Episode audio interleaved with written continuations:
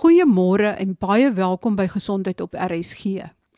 Ons gesels vandag oor atriale fibrillasie, dit is 'n tipe hartprobleem, beroerte en die verband van hierdie twee met antistolmiddels. Want die antistolmiddels word gebruik om die beroerte te voorkom en die beroerte hou weer verband met atriale fibrillasie. En hierdie drie maak dan amper 'n perfekte sirkel waar die een aanleiding gee tot die ander en die een ding gebruik word om die ander te voorkom, maar alles werk nie altyd so perfek saam nie. En daar is eintlik ander oplossings vir die probleem. Maar kom ek begin vandag se program met 'n storie wat ek julle wil vertel.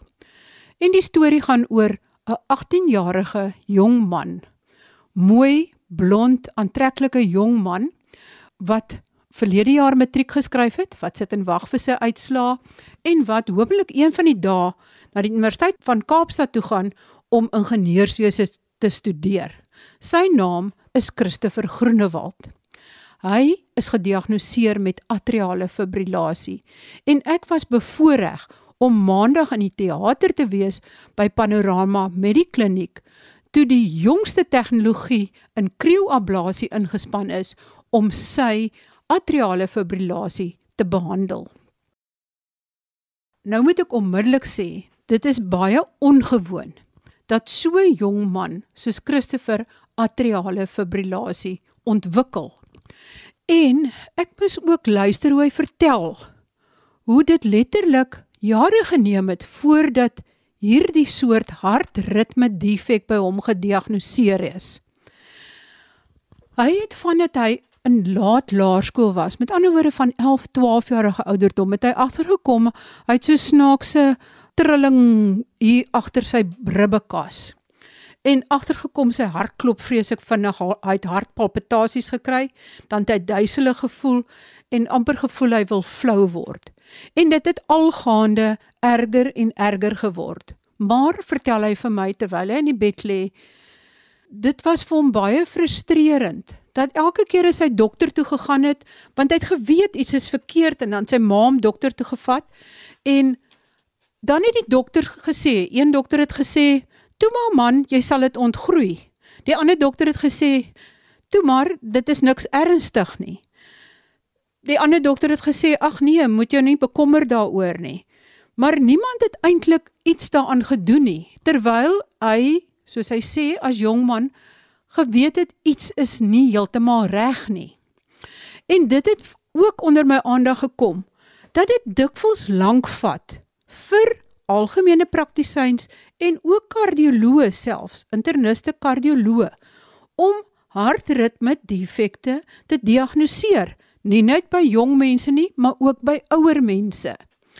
En dit is nogal 'n aspek wat my baie bekommer, want dit het daartoe gelei dat 'n jong pasiënt soos Christopher letterlik vandat hy 12 is tot dit waar hy hierdie week behandel is, hy's 18 jaar oud, wat hy lank geloop het met atriale fibrillasie en al die neeweffekte en komplikasies wat dit veroorsaak.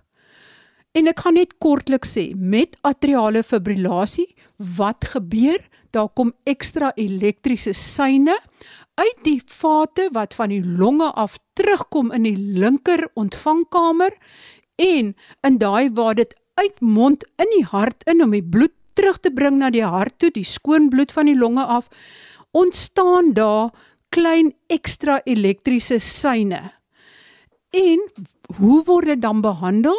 'n Goeie, ervare elektrofisioloog gebruik deesdae 'n krioballon. Hy sit dit deur die lies van die pasiënt in tot deur die femorale vene tot in die hart, tot in die regter atrium, dan deur die septum, saggies versigtig deur die septum tussen die twee ontvangkamers tot in die linker ontvangkamer. En dan maak hy doodseker dat daai ehm um, gidsdraadjie presies lê in die monding van die longvate wat terugkom na die hart toe en as dit op presies die regte plek is en hulle kyk die heeltyd op rekenaarskerms dat dit op presies die regte plek lê hulle map dit en dan gee hulle die teken en dan word die ballonnetjie pas dan presies in daai openingkie in soos wat die longvate terugkom na die hart toe.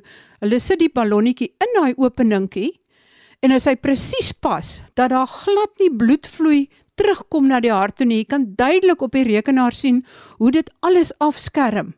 Dan gee hulle die teken en dan sê hulle 1 2 3 'n blyt en dan is daar 'n tegnikus wat die temperatuur van die 'n ballonnetjie verlaag na omtrent minus 55 grade toe. Die elektrofisioloog hou dit dan presies in posisie vir 2 minute, miskien 3 minute afhangend van wat presies benodig word en dan as hulle die ballonnetjie wegvat, dan is daai weefsel daar presies waar die longaar longslagaar terugkom in die linker atrium in, is hy so in 'n kringetjie gevries en daai sirkeltjie wat gevries is, maak soos 'n ek kan maar sê soos 'n klein hindernisie waaroor die elektriese impulse uit die vate uit nie in die hart kan inkom nie. Dit verhinder dat daai elektriese impulse inkom en wat gebeur dan? Dan is die daar nie meer ekstras impulse om atriale fibrillasie te veroorsaak nie. Hoekom is atriale fibrillasie gevaarlik? Dit is omdat as die hart onreëlmatig en chaoties klop, sê maar teen 200 slae per minuut en dit klop vinnig en deurmekaar, dan begin die bloed in die linker atrium te warrel. En aan die buitekante vloei dit al stadiger en as bloed stadiger vloei, is dit geneig om te stol. En dan kan daai stolsels deur die linker ventrikel en dan deur die aorta in die res van die liggaam beland en as dit in die brein beland, veroorsaak dit bloedstolsels. So hierdie jong man, Christopher, was vir jare lank eintlik blootgestel aan 'n verhoogde risiko vir beroerte sonder dat die dokters dit regtig gediagnoseer het. Nou, hoe is die toestand op die ouende gediagnoseer? Hy het na die uh, Kaapstad AF sentrum toe gekom. Hy's gelukkig so toe verwys en Dr. Azin Gopal en sy span het 'n klein um opnemertjie onder sy vel ingeplant by sy borskas wat deurlopend dan sy hartklop gemonitor het.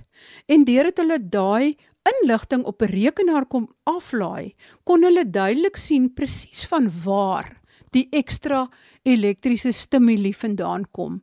En hulle het gesien dit kom nie van 'n kol af in sy ventrikels of of bokant sy ventrikels nie, maar net van sy linker atrium af en presies op die plekke waar atriale fibrillasie ontstaan. So hulle het geweet hulle moet gaan kyk presies na die plekke waar atriale fibrillasie ontstaan om hierdie elektries ekstra elektriese impulse te stop. En dis toe dan presies wat hulle maandag gedoen het. Maar dit is nog steeds kommerwekkend dat dit so lank gevat het vir algemene praktisyn, internis, kardioloog wat deur wat hierdie jong man gesien het om uiteindelik korrek gediagnoseer te word. En soos ek sê, dit laat mens bekommerd dat daar dalk baie ander gevalle is van jong mense en ouer mense met atriale fibrillasie wat nie betyds en vroeg gediagnoseer word nie.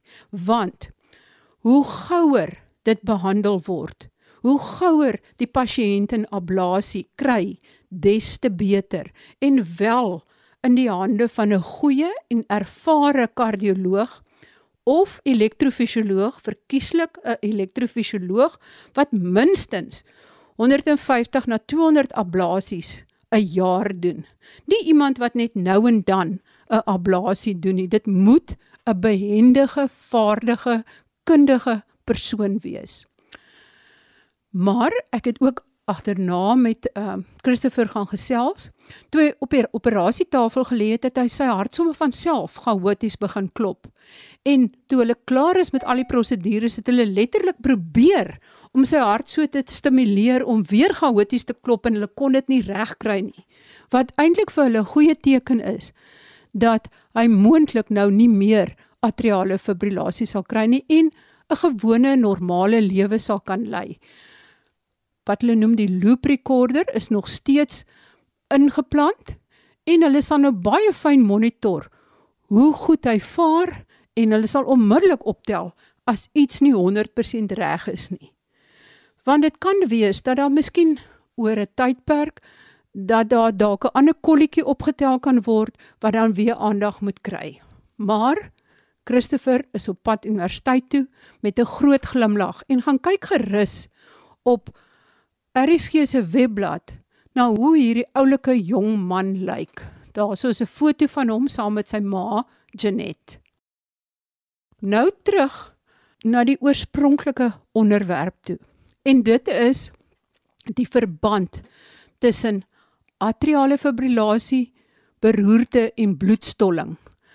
En ons fokus dan nou baie sterk op antistolmiddels. Waar pas dit in?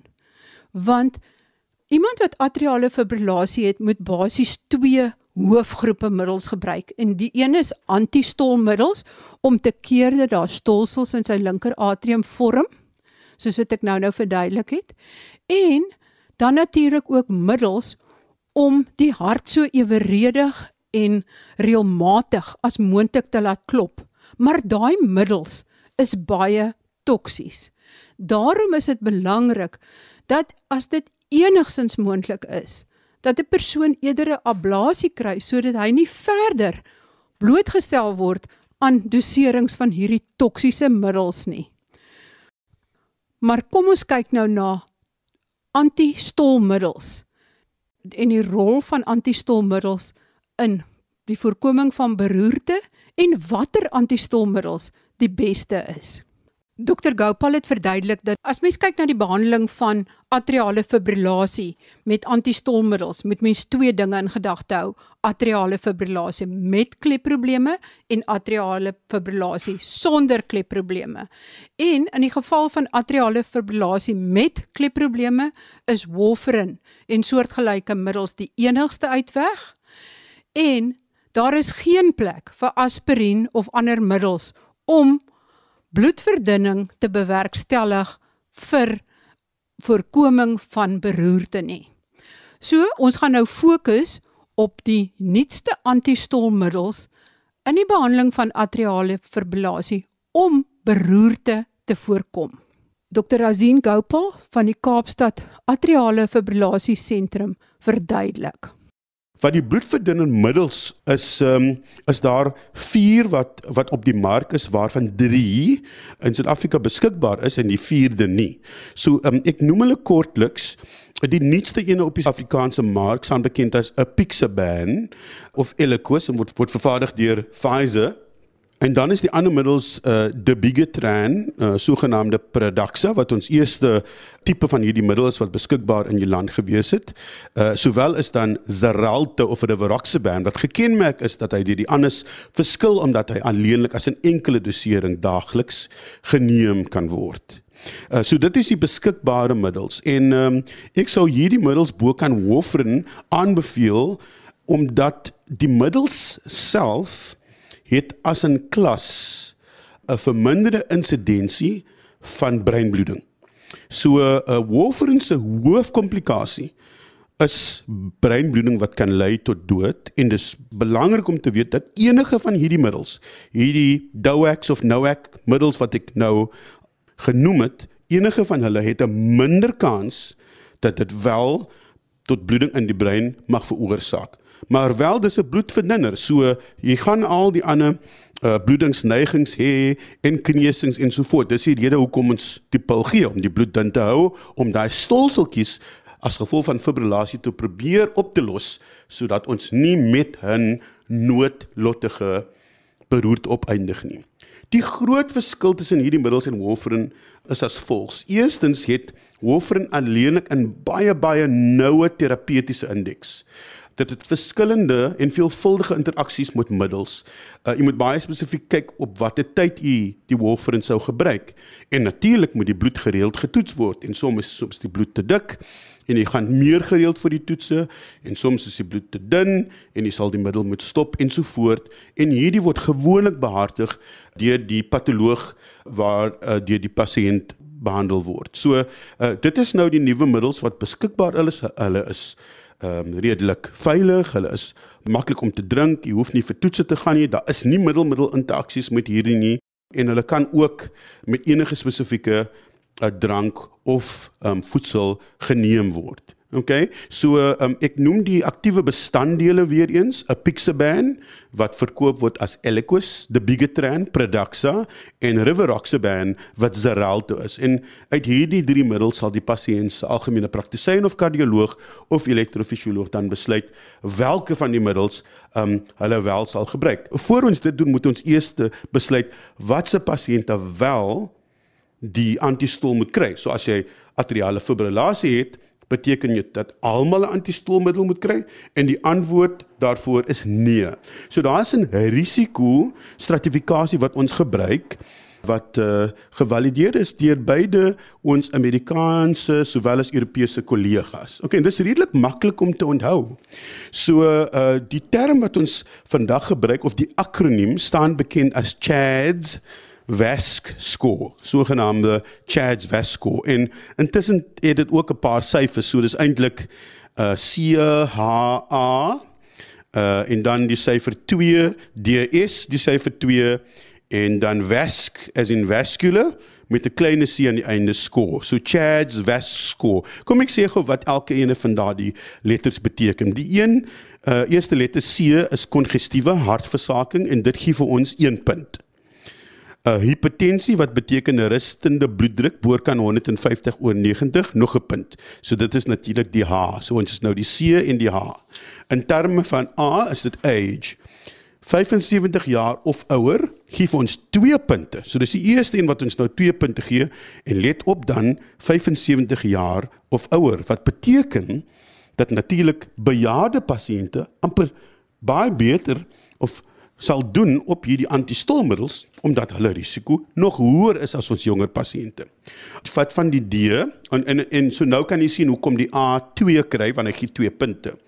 Diabetes, dit wil sê 'n vastende glikose bo kan 6 of dat jy op medikasie is vir diabetes en nog 'n punt.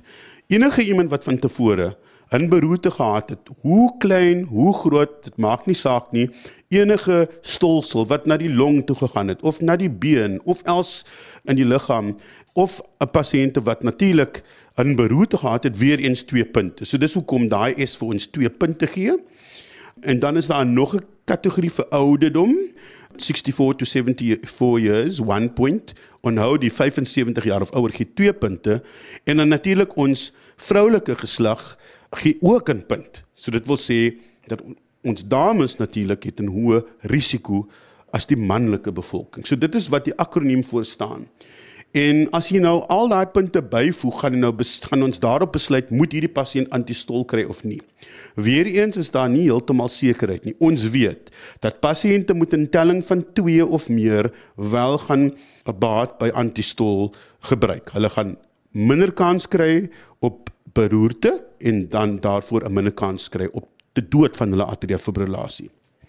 En dit is pasiënte met 'n telling van 2 of meer.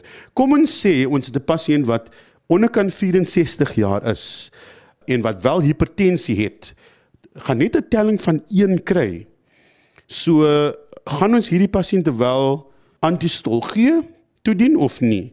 Uh, en dit is nie heeltemal seker nie want die Amerikaners sê dat Ehm um, dit is 'n bespreekte tussen die pasiënt en die dokter waar hulle besluit met 'n telling van 1 gaan ons dit gee of nie. 2 of meer definitief. Maar die Europese data, hulle voel dat selfs hierdie telling van 1 is genoegsame risiko om wel antistol te gee. So so in in Europa sal hulle met 'n telling van 1 of meer wel vir gee en u gaan dan natuurlik enige van hierdie middels kry. Ek moet wel noem omdat daar 'n spesifieke melding gemaak is daarvan dat in pasiënte wat wel probleme het met bloeding en veral bloeding vanaf die gastro-intestinale traktus, dit wil sê 'n maagbloeding of 'n uh, laer gastro-intestinale bloeding soos byvoorbeeld vanaf die darm, um, is die middel apixaban of Eliquis eintlik die ene van keuse. So as as u daai geskiedenis het, kan ek wel daai spesifieke middel uh, aanbeveel.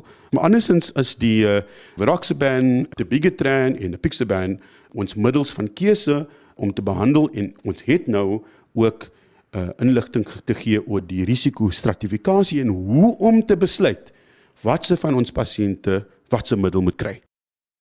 Dokter Gopal, as mens dit kan opsom, watse persentasie van mense bo 60 of 65 gaan atriale fibrillasie ontwikkel? Dis die eerste punt.